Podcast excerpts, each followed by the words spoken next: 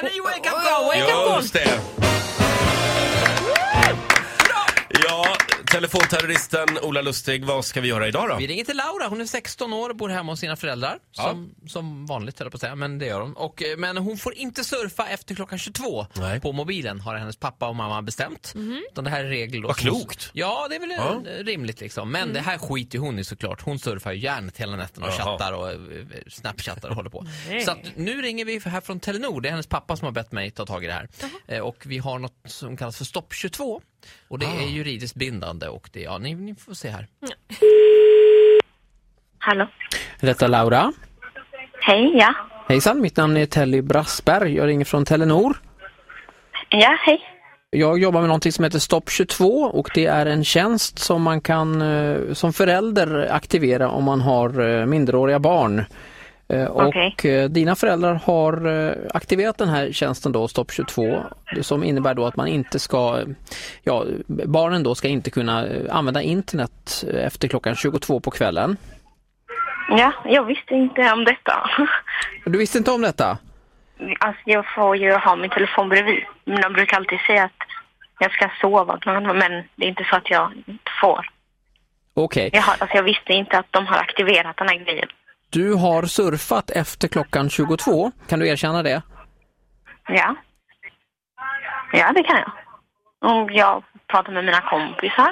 Det här innebär att vi kommer behöva bötfälla dig enligt stopp 22-klausulen. Okej, men jag visste liksom inte att den var aktiverad. Ja.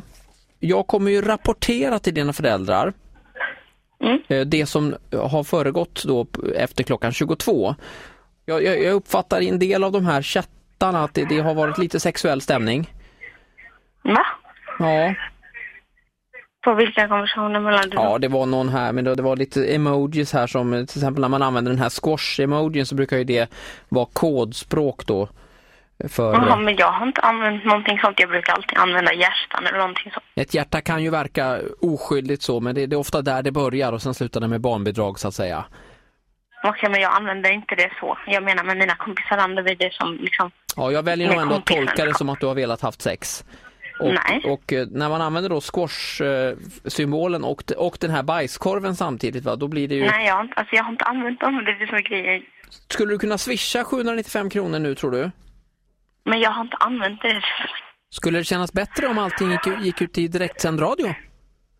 Vadå? Laura, det här är Ola Lustig på Energy som ringer. Och det är din mamma och pappa som vill luras lite grann med dig. Nej, det... Jag var jätteledsen.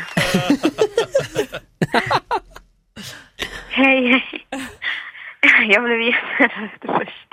För att jag blev... Ja, gud. Jag är med min mamma nu. Det är det som är grejen. Ja, så här Ja, lät det mamma när var- O- Ola ringde till Laura. Eller Laura får en applåd. Absolut. Usch, jag, jag blev lite svettig där en kort stund. Ringa och skrämma unga Ja. människor. Ja, men, Är det så vi gör? Men det är, bra. rimligt att gå på det här, jag vet inte. Stopp 22, det är en bra idé i Jo, alla men fall. jag trodde vet att man skulle kunna tro att jaha, nu har de satt in någon spärr också som mina föräldrar har Du får bestämt. gärna ringa till min syster, hon behöver också hjälp. Ja, men hur är det med dig Sandy? Hur har du det? Jag har två telefoner så Ja, jag är precis. lugn. Så vi ska nog sätta Fattar stopp inte, det är 22 lite- på dig också. Nytt Energy Wake Up Call imorgon som vanligt, 10 över 7. Hit music only. Energy. Hit music only. Ett poddtips från Podplay. I fallen jag aldrig glömmer djupdyker Hasse Aro i arbetet bakom några av Sveriges mest uppseendeväckande brottsutredningar.